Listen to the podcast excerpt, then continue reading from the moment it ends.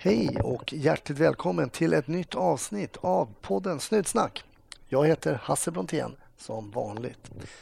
Idag heter min gäst Tommy och eh, ja, vi kommer att prata rätt mycket om hans uppväxt och det är ju inte alltid eh, ointressant att höra folks historia, vad de har för bakgrund. Och jag tycker att det blev väldigt intressant att höra Tommys väg in till polisyrket. Han kommer också berätta om en, om en väldigt speciell händelse som eh, hände honom en vacker sommardag. Men det kommer alldeles strax såklart. Ehm, du vet att vi finns på Facebook och vi finns på Instagram. Följ oss gärna där. Gå gärna in på iTunes om du gillar podden och lämna en liten recension och tryck gärna på prenumerera-knappen när du ändå är där. Nu hoppas jag att du får en fantastiskt trevlig lyssning. Och du, var försiktig där ute också. 1310 1070 kom. 1310 Odengatan kom. Ja, det är uppfattat. Vi tar det. Slut. Bra. Klart slut. Jag säger varmt välkommen till Snutsnack Tommy. Tack. Hur är läget? Eh, jo, det är bra. Jag eh, har haft semester fyra veckor och jobbat nu i två veckor. Så jag rivstartar. Jag har varit överallt i hela Sverige och jobbat. Hur kommer Jag är lite sliten. Hur kommer det sig? Eh, jag tillhör för närvarande mängdbrott. Eh, jag eh, har varit där, skulle vara där ett år nu, så jag ska ut och jobba snart igen. Men det är som organisation och jag har fått hoppa runt lite på olika avdelningar. Jag var med grå brott nu i veckan här lokalt och vi var söderut. Ett ärende de har. Det har varit ett par dagar nere i Skåne och sen har jag varit hemma och gnetat på. Det har varit mycket. Det är kort om folk. Men var är du placerad någonstans då? då? Eh, i sta- vilken stad? Ja, precis. Ja, jag jobbar i Katrineholm. Det är eh, hjärtat av Sörmland kan man väl säga. Ja. 10 mil, 5, 12 mil från Stockholm typ. Är du uppvuxen där i kroken också eller? Nej, jag är uppvuxen i Salem söder om Stockholm. Just det. Där 90-talet. Hur, var, ehm, hur, hur växte du upp? Vad hade du för uppväxt innan du började jobba som polis? Eh, den var väl rätt så brokig kan man väl säga. Okej. med allt vad det innebär med både växa upp i en, eh, ja det är ju en förort södrast Stockholm. Med eh, mycket, ja det var ju Bland annat så när jag växte upp så var det ju mordet, Salomsmordet, nazistmordet. Just det, precis. Det var ju min, min, mitt åldersspann som involverade så det var ju rätt stökigt. Det var de här sista åren från här, ja vad ska man säga, från att det var kravaller i Kungsan liksom till att komma ut i, till Salem. Så, eh, nazisterna fick ett tåg gå där några år efter. Jag vet inte om du själv kommer ihåg. Jo, just det. De hade ju varje år så gick de väl någon, någon, eh, hade någon form av demonstration i salen va? Ja, det var ju några förortsgrabbar och tjejer från Salem som, som högg ihjäl några nazister. ute. Ah, Okej. Ett jävla liv. Men nej, det var, det var rätt så tufft att växa upp där. Det var... Eh. Men när du säger brokig då, vad, vad är det som är brokigt? Är det liksom Nej. just själva förorten eller? Nej, det, det, det var väl en del av det. Men sen jag växt upp, eh, jag har växt upp i skilsmässofamilj. Jag har eh, sex bröder utspritt på både mamma och pappas sida. Ja. Mycket alkohol, mycket eh, bråk i hemmet. Poliskontakt var väl rätt så frekvent hemma hos oss. Vi hade ja, poliser som kom hem när det var bråk. Grannarna hade ringt att det var bråk. Oj. När jag var liten, ja, min mamma blev misshandlad Oj. eh, av en man. Och, eh, ja, så att pappa eh, också inte i sina bästa stunder kan man säga. Men eh, Oj, jag tänker på det här med... mm, Då kom du i kontakt med polisen då som ganska ung på ett sätt som man egentligen inte vill göra då i och med att det är bråk i hemmet och sådär. Hur, hur uppfattade du den kontakten som, som liten kille?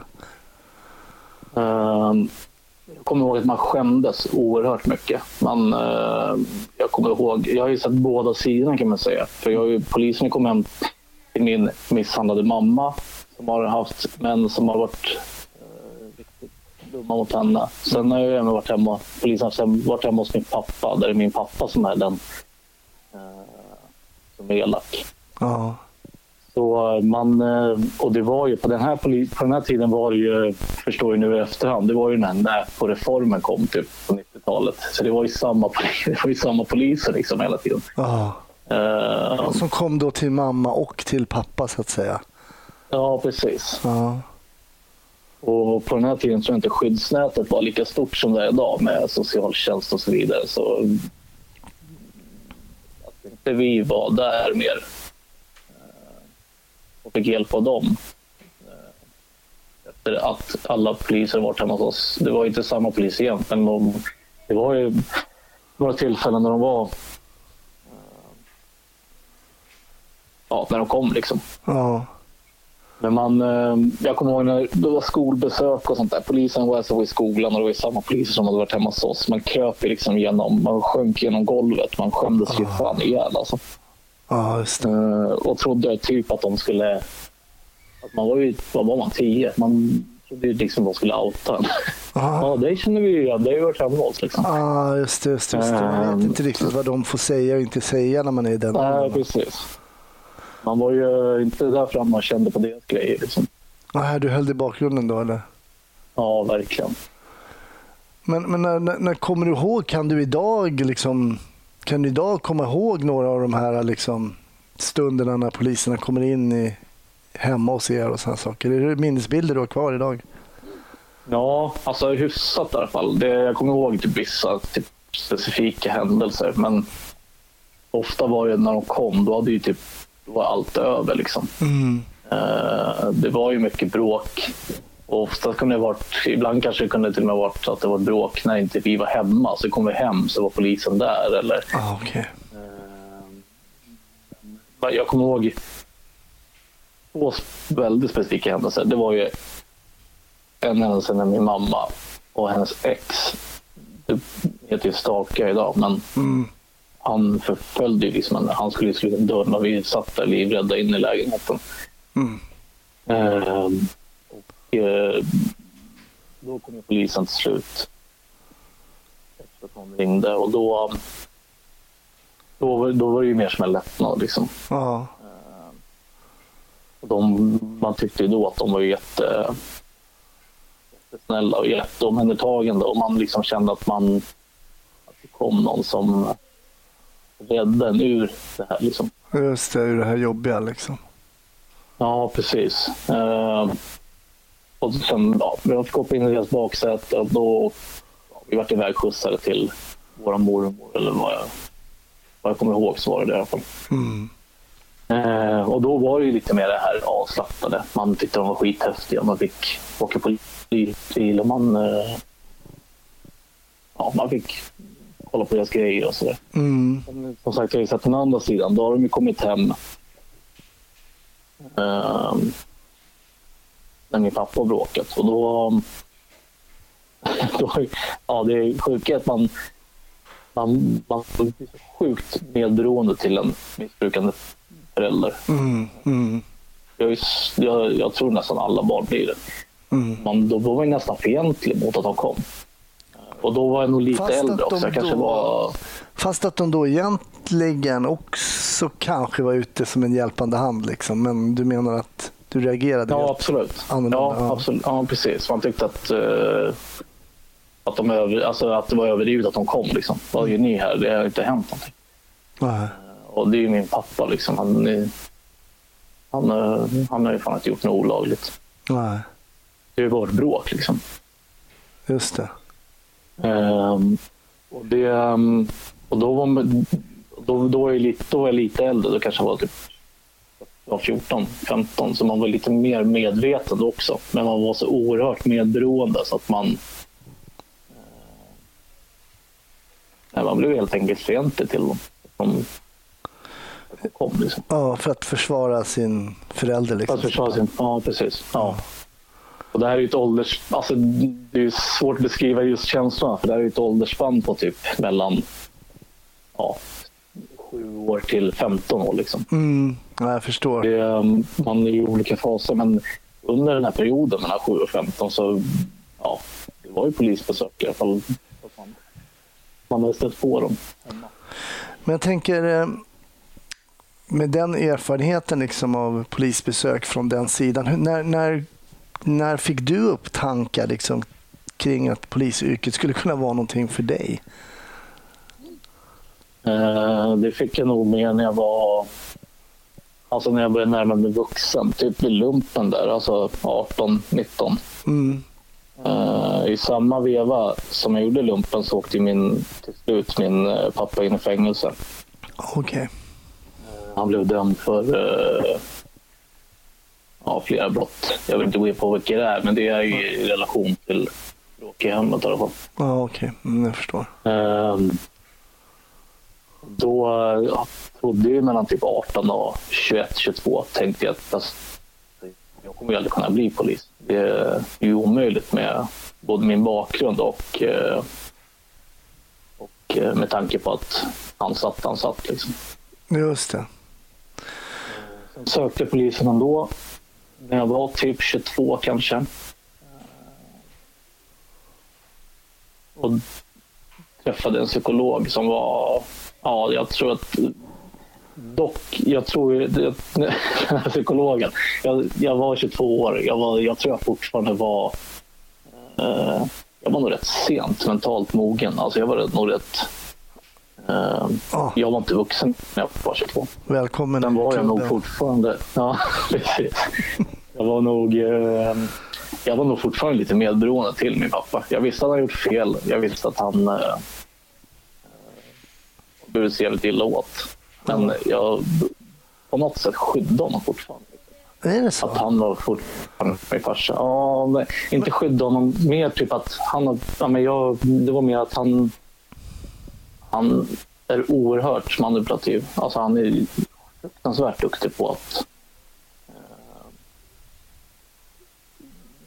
berätta om sin egen oskuld. Liksom. Ja, jag förstår. Mm. Och jag är ju uppväxt med honom alltså, konstant. Jag har ju bott hos honom i stort sett hela min, hela min uppväxt. Ja. Ehm, jag till och med när jag flyttade ifrån honom. Jag flyttade ju till den här stan när jag var 16 ungefär. Mm. Eh, och det var ju efter att han var packad. Jag kom hem och han började bli mer och mer aggressiv och våldsam mot mig. Mm. Ehm, och jag, det slutade med att jag, tryckte, alltså jag brottade ner honom på golvet och tryckte ner honom i golvet och sen försvann jag. Wow. Men ändå så lyckades han locka mig tillbaka. Liksom. Att, jag, att vi hade en bra kontakt. Okej.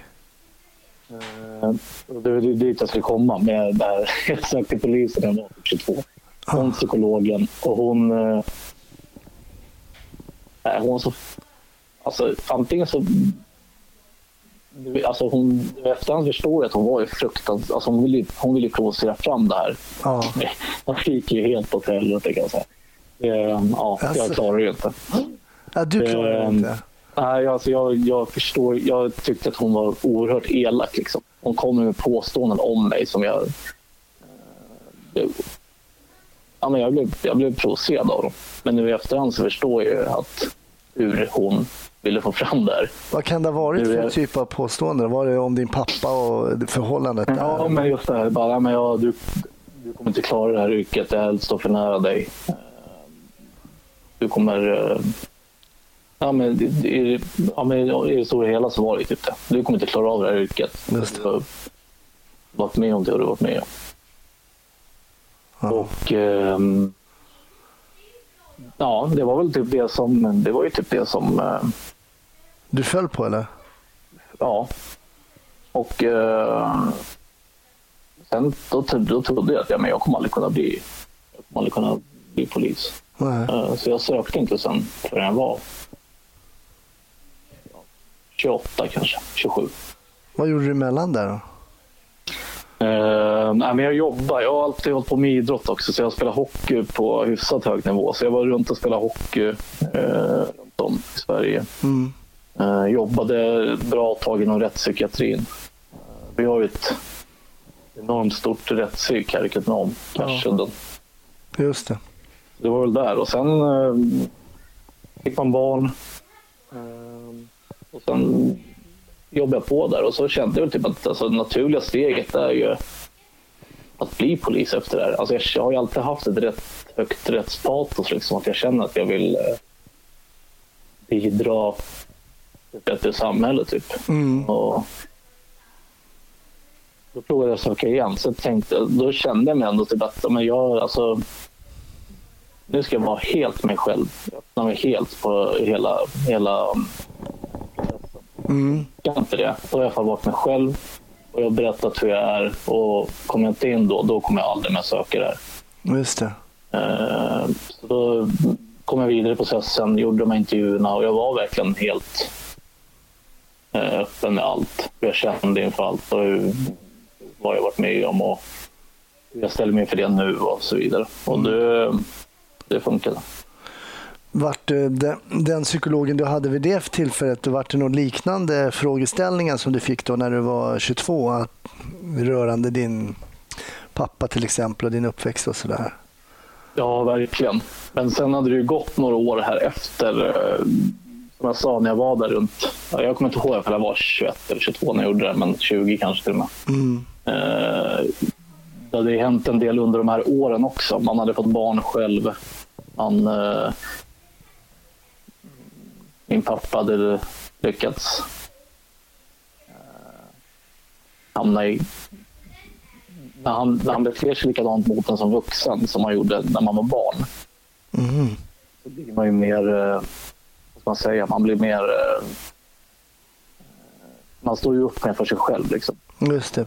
Precis. Och när man börjar bilda egen familj och mogna i huvudet så kan, börjar man ju inse att uh, det kanske är dags att börja det är kanske dags att börja sätta stopp här. Mm. Mm. Um. Men hur lätt är det då? Det är ändå fortfarande ens Nej, det är ju, liksom. det är, ja, det är ju skittufft. Alltså, det är ju ehm, det är jävligt tufft alltså. Det är, man, ehm, man, alltså man, när man har jobbat inom de här yrkena man gjort innan också med psykiatri och man eh, har träffat en del. Man, man förstår att det, alltså, grunden är ju, det är ju missbruket som är problemet. Liksom. Det är ju alkohol eller nu träffar man på mycket missbruk, det är narkotika. Och mm. man, eh, det är ju det som är grunden. Och det, alltså, de flesta människor är ju ändå bra i grunden. Mm. Alltså man... Eh, all, ja, men det är, då blir det ännu tuffare. Det blir ju typ ett ultimatum. Nu får du fan välja mig eller dina problem med alkoholen. Mm. Du är ju väl medveten om att du har de här problemen. Just då, då tog jag mig typ mod och tog det snacket med honom. Och sen hörde jag inte av honom. Okej. Okay. Han tog sitt beslut där helt enkelt. Ja.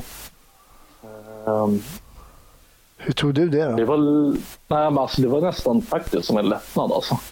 Ja, det var det det var tufft, men det var nästan eh, skönare. Ja, jag förstår. Uh, man slapp det här. Alltså man, man, uh, man, uh, man, vi hade ju inte jätte, jättebra kontakt innan där heller. Nej. Men uh, det var ju så här, han ringde liksom och man, man lyssnade med i hans, när han ringde på fyllan liksom, och drog sina historier och mm. snackade på. Och man bara kände det bara kokade i en och bubblade i en hela tiden. Mm.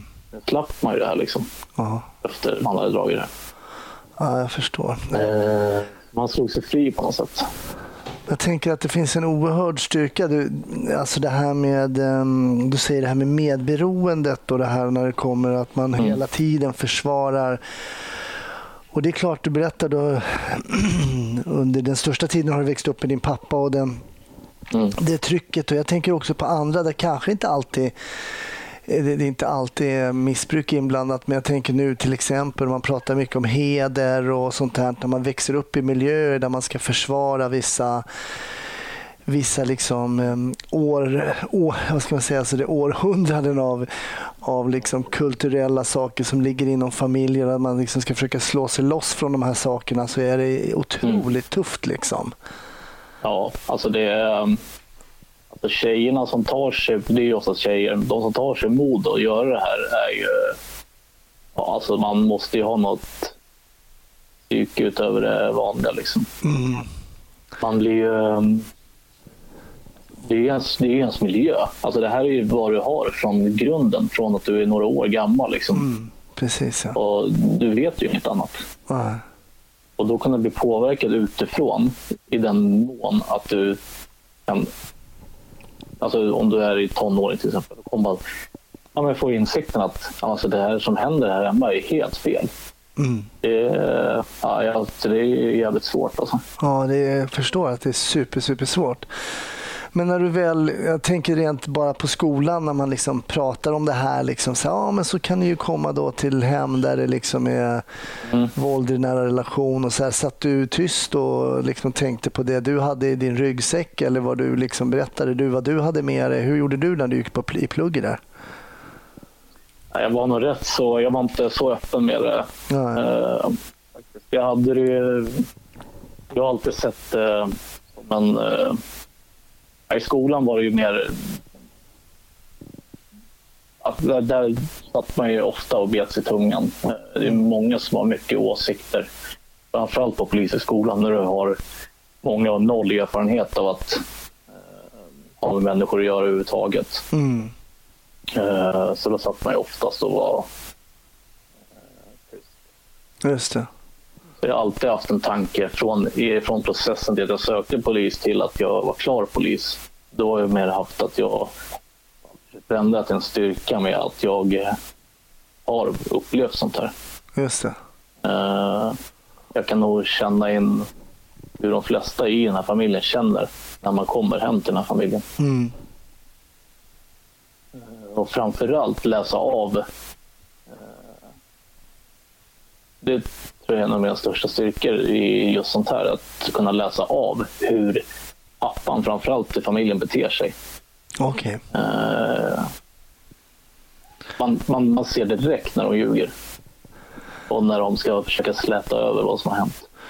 Kan du se likheter med din egen pappa då? Du... Ja, det är, jag tror att det är det som är. Och sen nu har det varit andra män i mitt liv också som jag växte upp med när jag bodde hos mamma. Men eh, framförallt just det här beteendet med när man ska eh, se det här normaliserande mönstret med att man eh, när man ska försöka släta över det som har hänt. Just det. Och det kan vara liksom eh, det kan ju vara just det kan vara någon liten sak de säger eller någon liten hur de tittar på sina barn eller sin fru eller hur de hur Nej, jag vet inte. Det är svårt att beskriva. Det är magkänslan. Alltså man, ser, man känner spänningen liksom i luften. Just det. Uh, nej, jag har inte hänt någonting typ på det. nej, precis. Uh, det, det har jag haft... Uh, alltså just den känslan har man haft mycket, mycket nytta av överhuvudtaget i jobbet som polis. Mm. Framförallt i narkotika och sånt också. Liksom. Mm. Som jag har jobbat mest mot. Du tänker på hela missbruksbilden liksom hos människor? Ja, men just det här förnekandet eh, med i beroende. I beroenden. Mm. Jag tror jag att jag är duktig på att läsa av eftersom jag är uppväxt i ett förnekande av beroende. Och det här medberoendet som du berättade om som du hade gentemot din farsa. Kan mm. du se det också liksom när du har varit ute på jobb och sådär? Att Absolut. Och det är ju mer att man förringar vad man är med om. Uh, det är ju mer ett normaliserande beteende. Att, nej, det är inte så farligt. Alltså, det är inte, det är inte ens hänt någonting. Uh, det är nog det jag mest medberoende av. Just det här normaliserandet. Att, alltså, så farligt är det ju inte. Det är inte bråk. Liksom. Fast det liksom är betydligt. Det är ju brott som händer. Liksom. Du berättade där mellan eh, första gången du sökte och andra gången du sökte så fick du själv barn. Hur mycket påverkade det dig att själv bli förälder? Jag tror det var det som eh, förändrade nog det mesta i mitt tankesätt och värderingar överhuvudtaget. Mm. Uh,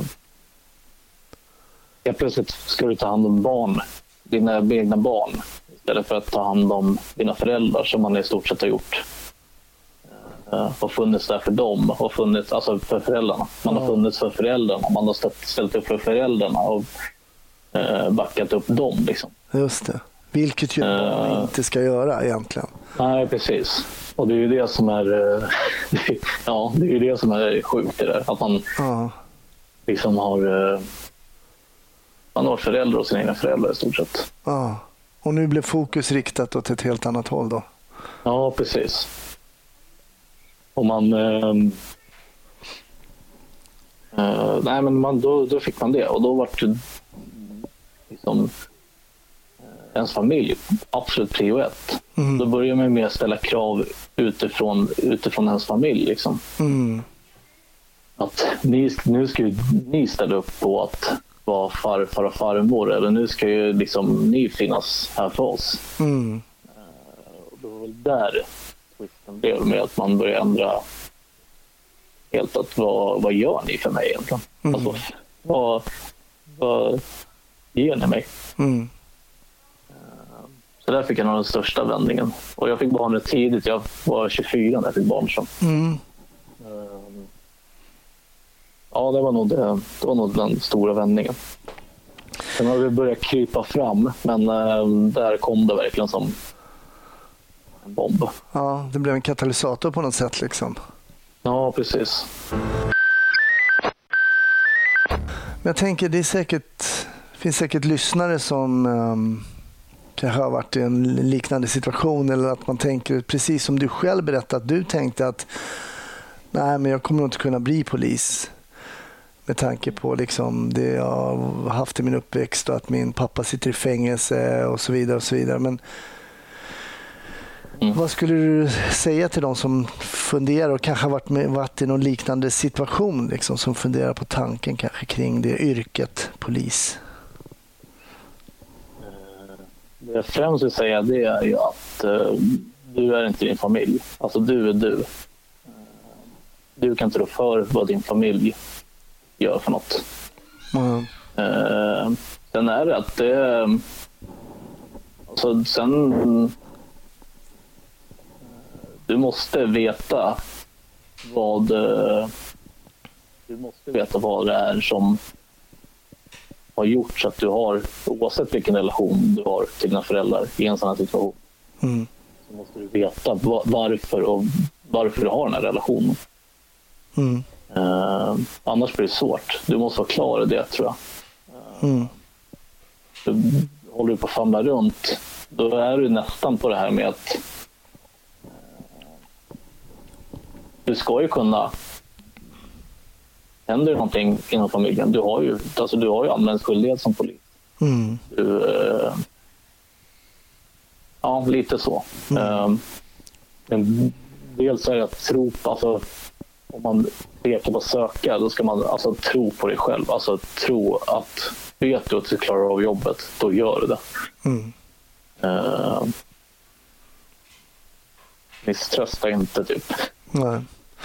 Men när du var klar som polis, vad hade du för liksom tankar kring vad du ville göra då? då? Var blev du placerad till en början? Då? Blev det Katrineholm? Ja, det blev Katrineholm. Och det var lite, för man skulle jobba här, det är en rätt liten stad, det bor väl 35 40 000 invånare. Ja. Ehm, Det täcker ju dock stora ytor, men det är ju ändå lite, man ska jobba i samma stad man bor i. Och jag tänkte, det är väl inget problem, det är ju bara en schysst approach. Mm. Ehm, Men det, det är både för och nackdelar. Jag började på IV. Mm.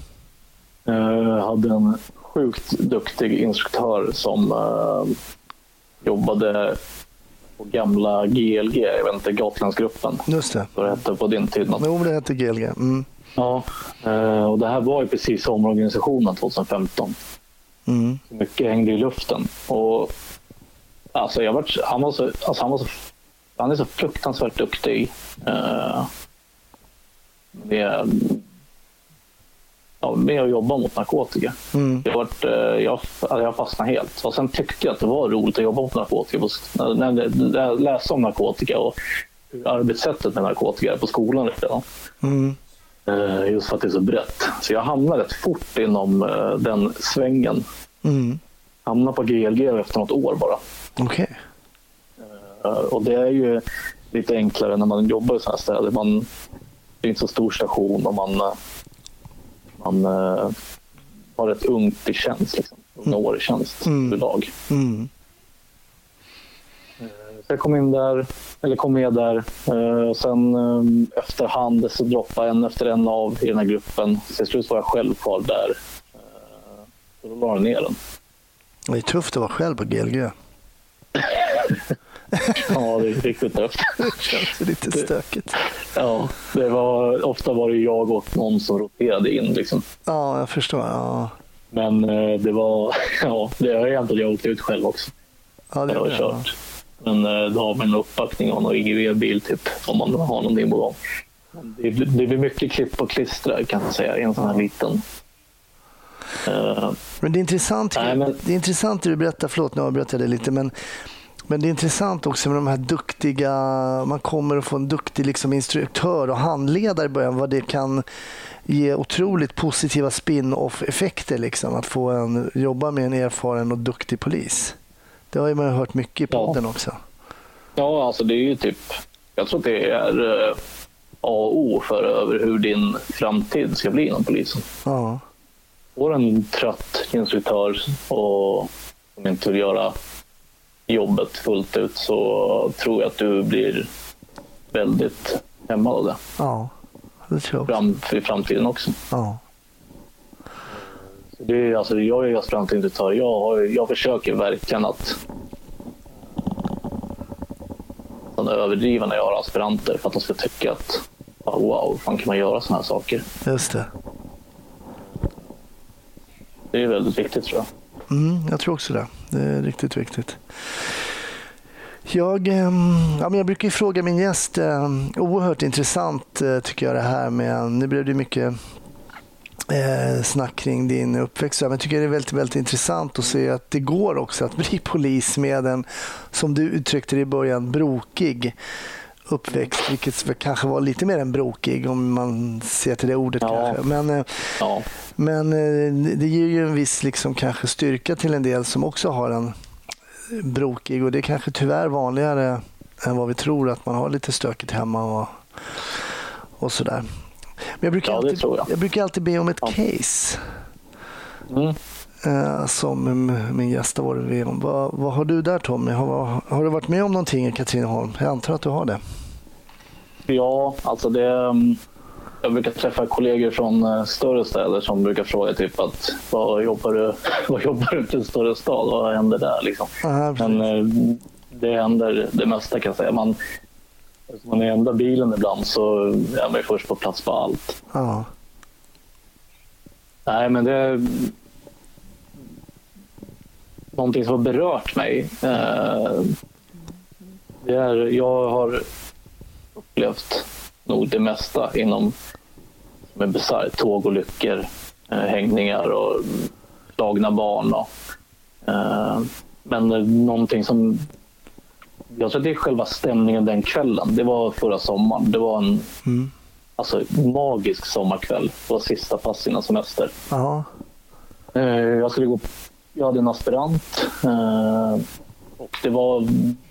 Ja, det var verkligen så här, ja, alltså nu är det semester. Det var 28 grader typ. Och det hände ingenting på jobbet. Vi bara åkte typ, åkte typ i stort sett runt och äh, väntade på att Passet skulle ta slut. skulle ta slut. Ja.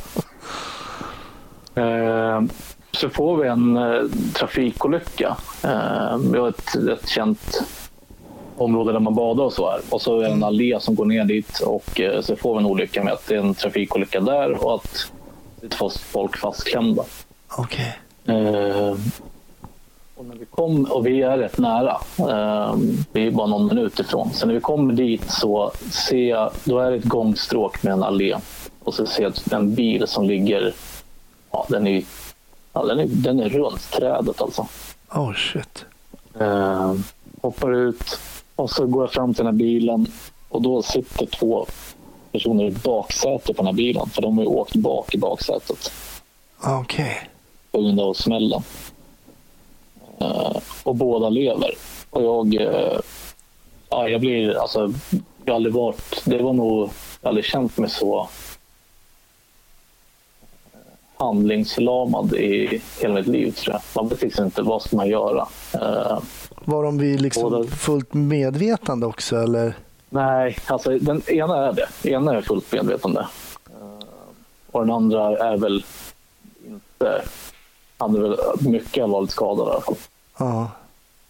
Eh, vilket båda är. Jag tänker att när man tar ut de här kropparna kommer ju halva kropparna vara borta. Nederdelen liksom.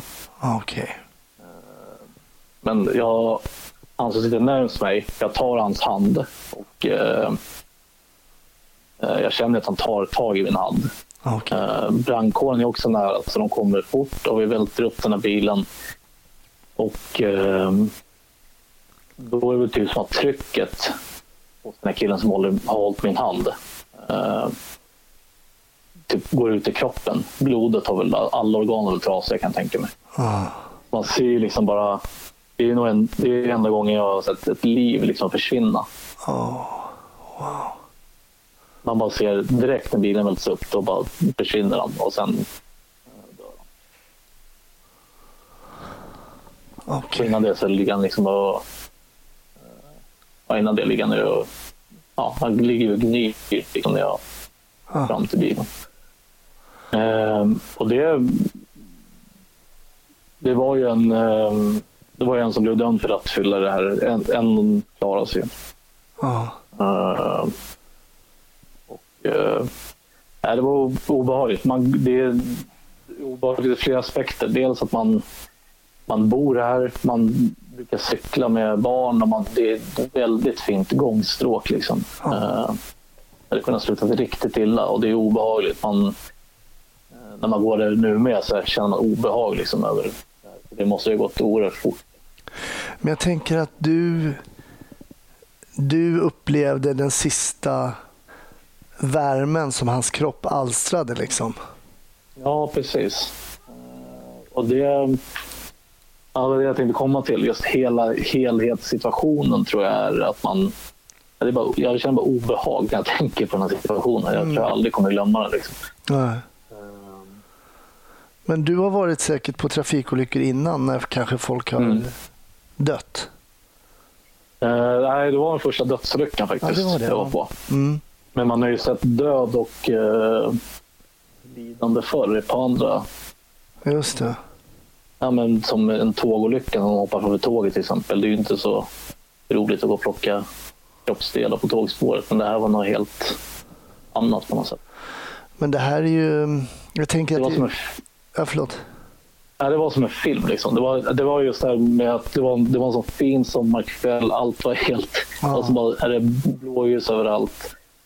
Eh, två stycken ligger på marken efter det här. Och i, ja, det, var, det var så bisarrt. Alltså, det, när man får tillbakablickar, det är nästan svårt att beskriva hur Ja. overkligt det är. Liksom. Men det var som en kväll där ingen skulle kunna dö nästan, att den var så fin. Ja, liksom. men precis. Ja, ja, precis. Men av Ja, de här två, var en, en, de som du som satt i bilen när ni kom fram, var det Mm. en av dem som överlevde? Eller Ja, han klarade sig. han klarade sig? Han flögs med ambulanshelikopter därifrån. Men var det han som var mer borta så att säga när du... Nej, han, han var den som, den som överlevde. Han var väl vaken hela tiden. Ja, han var det. Mm. Eh, sen, sen kom ju all sjukvårdspersonal och så söver och så på plats. Men Eh, just den här killen som inte klarade sig. Han, eh, han var inte så gammal eller han var ju bara 17 tror jag. Ja. Eh, hur hårt, höll han, hur hårt höll han i din hand? Då? Var det som en handskakning eller var det väldigt svagt? Nej, nej det, var, det var ju som att man kände att fingrarna rörde sig. Liksom.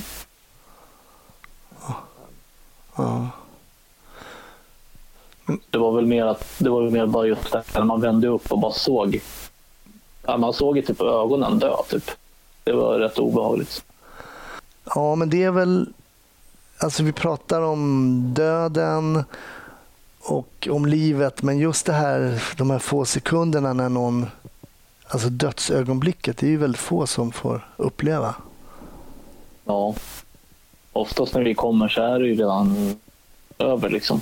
Ja, Eh, det, ja, det jag funderar på om man ska... Just det ögonblicket liksom har man ju näthinnan. ja. Eh, och jag vet inte om man... Det kommer man nog aldrig glömma. Vad var det som hände? Du beskriver att du så kunde se på ögonen. Vad var det som liksom släcktes det? Liksom? Det låter lite nästan makabert men att säga så. Men, Nej, men det, det, det är, alltså, om man har sett döda människor så ser man ju i, man ser i ögonen att det är ju ingenting. nej. Eh, och det gick väl från att... Ja, jag vet inte om, om det är pupillen eller vad det är. Det är ju någonting som man bara... Den blir ju stirrig liksom. Mm. Eh, den, ja, den dör ju. Alltså, det känns som att ögat alltid rör sig så länge du lever Ja. eh, på något sätt. Sen när du dör så liksom bara blir blicken tom. Framförallt ja, när i alla fall de man har sett som är döda med ögonen öppna. Liksom. ja. Eh, Så det är väl det. Är väl det. är väl ja. Hur ofta kan den här liksom jobbhändelsen flasha förbi hos dig? Men det är väl den som att jag har uh, burit med mig av någon anledning. Jag vet inte varför. Alltså man har ju upplevt, man har upplevt jättemycket uh, konstiga och bisarra saker och sett alla möjliga sorters, som jag sa förut, med lidande och död. Men det här uh, kom väl upp mer frekvent än de andra. Mm. Mm. Sen försvinner det såklart mer med tiden. Det gör alla de här ärendena. Just det, det kan låta som en klyscha liksom, att tiden läker Ja. alla sår, men det kanske är så ändå. Då. Ja, men det är nog så. Man, eh, eh, man är, jag tror inte man är lika beredd på det här när man söker till polisen. När man söker till polisen är man nog mer beredd på att man får med om häftiga saker. För det har man också varit. Sjukt häftiga grejer. Ja. Eh, Och grip och man har sett eh, rån ske live när man har spanat och sådana saker. Men det här är, man inte det här är man inte lika beredd på på något sätt. Ja. Jag tror att Det är därför man bär med sig det mer. Tror du att man skulle kunna förbereda sig mer liksom, eh, mentalt? För det här är ju någonting, när det du beskriver här nu, är ju i och för sig kanske lite exceptionellt att just liksom, Mm. hålla någon i handen när någon dör och se liksom, ögonen bara försvinna bort. Men alltså just det här med den här sociala biten och sådär och det som vi också har pratat om tidigare med din uppväxt och allt det här som man ju som man ju har med sig. Jag menar, jag tänker, vi har ofta pratat i podden om psykisk ohälsa som är oerhört vanligt nu för tiden. Någonting man möts av ofta. ofta. Det, tror du att man skulle kunna förbereda sig mer när man kommer ut som polis? Eh, ja, alltså det, dels är det ju ens egenintresse om man... eh, det går ju alltid att, när man pluggar och sådär och har extra jobb. Mm. Eh, jag vet att många pluggar till exempel på... Nej, jobbar extra inom psykiatrin och sådär medan de, medan de pluggar. Men sen tror jag handledningen i, på Polishögskolan, när jag gick POS, jag var väl... Jag gick på Sörentorp innan det låg ner. Mm. Jag tycker, jag, tycker man utnyttjar lärarna för dåligt som är gamla poliser som kan sitta med en grupp och eh, gå igenom egentligen vad det här jobbet innebär. För det tycker inte jag. Då satt man hade handledning om hur det går i skolan i stort sett. Eh, Jag tror man mer ska satsa på kanske en handledning med hur det är att vara där ute och vad, man, vad man egentligen gör. För man gör ju oerhört mycket som man inte petar i på skolan ens. Mm. Nej, det är sant. Det var mycket som man var helt oförberedd på tycker jag när man kom ut. Ja, Eh, Och just sådana här grejer eh, som du berättar om just kring död och, ja. och Ja, Just död är man ju just död, det pratar man knappt om i skolan. Man går väl igenom de kurser man lämnar dödsbesked. Typ. Mm. Och så är man uppe på bårhuset och tittar på något Ja, lik som man ja, ut från en låda. Ja. Ja, det var, ja, det var ja. Ja, men vilket Ja, det var är ganska... Jo, det låter ju... Det, det, men det, och det är ganska... Alltså det är klart att det finns, det finns ju en, en rädsla där kring döden och så, men när man ser en död människa som du beskriver är ju verkligen en död människa och det är inte så dramatiskt egentligen alls. Nej, verkligen inte. Men det är ju de här eh, skedena då med skador och människor som är mellan liv och död och, och allt det här. Mm. Mm. Och Det, ja, jag vet inte. Jag tror att det är erfarenheten som gör att man vänjer sig vid det. Jag tror att det är svårt att Mm. Studera till det. Liksom.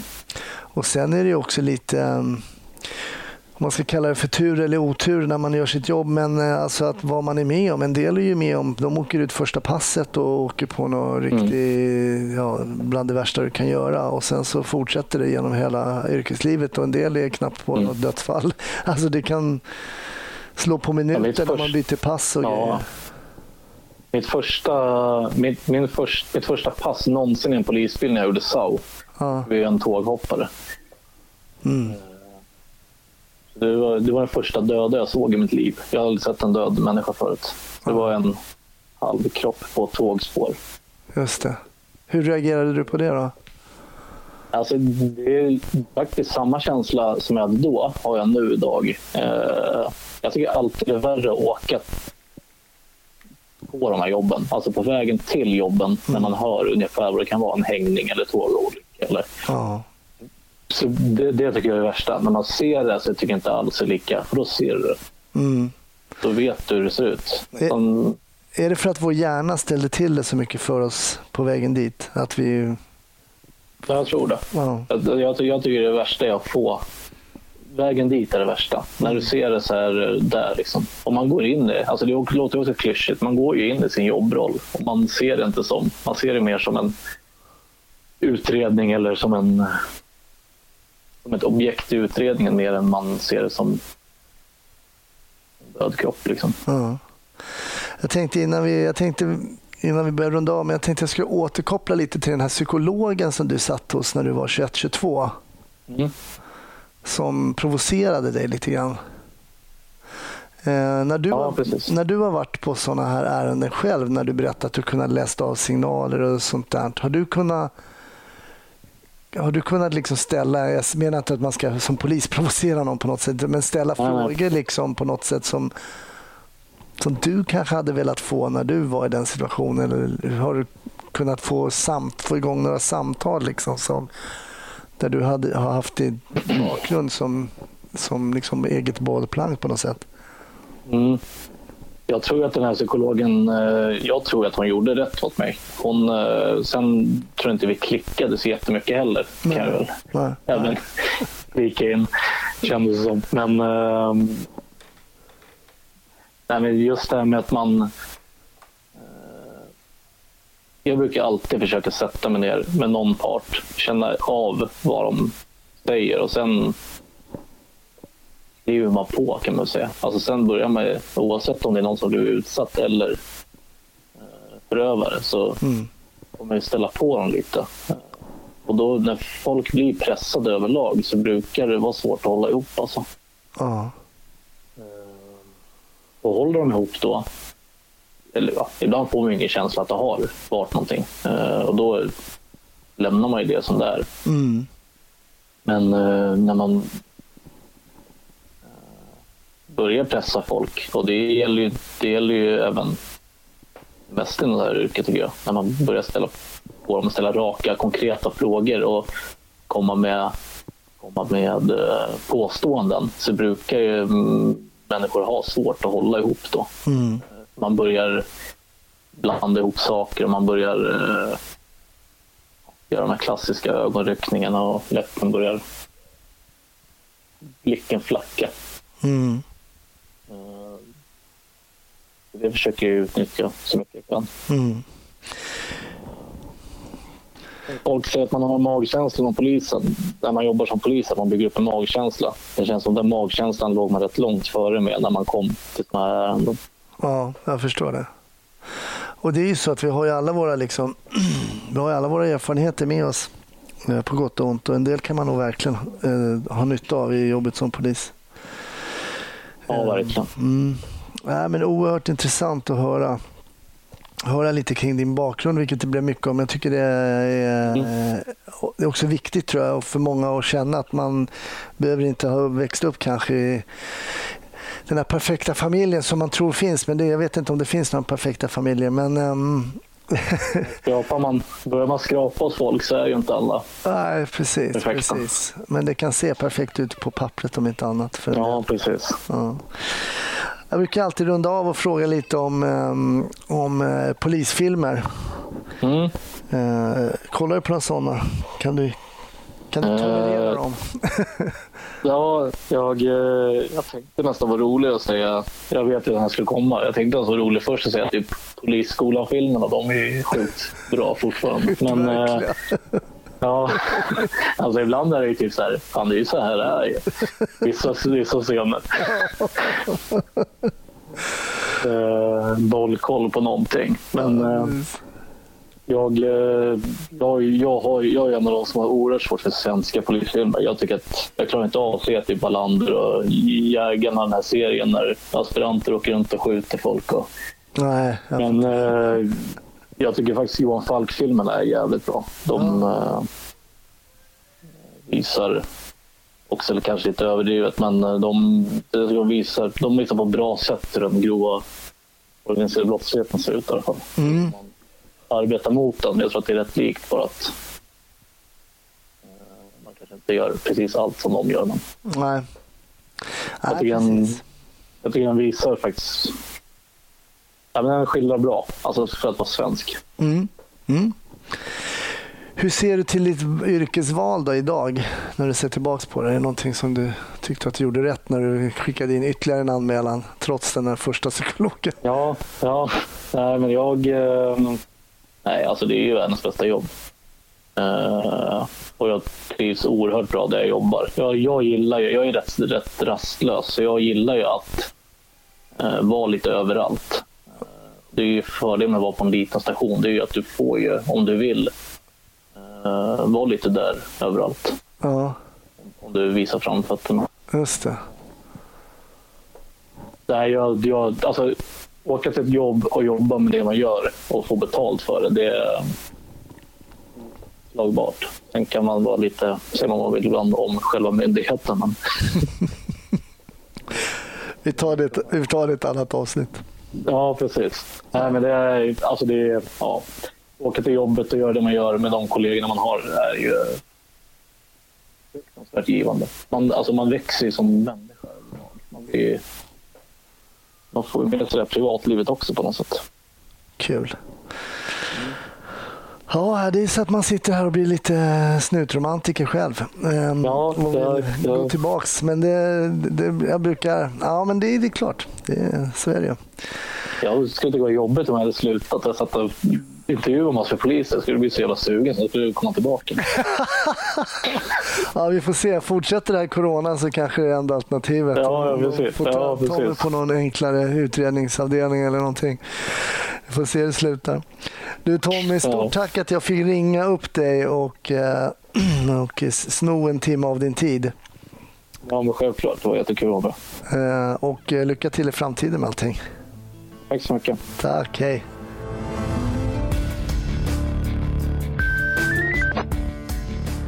Tack så jättemycket för att du har lyssnat. Nu är det här avsnittet av Snutsnack över, men det är ju bara en vecka kvar till nästa kommer. Jag hoppas du lyssnar även då. Stort tack för att du gör det. Hej då!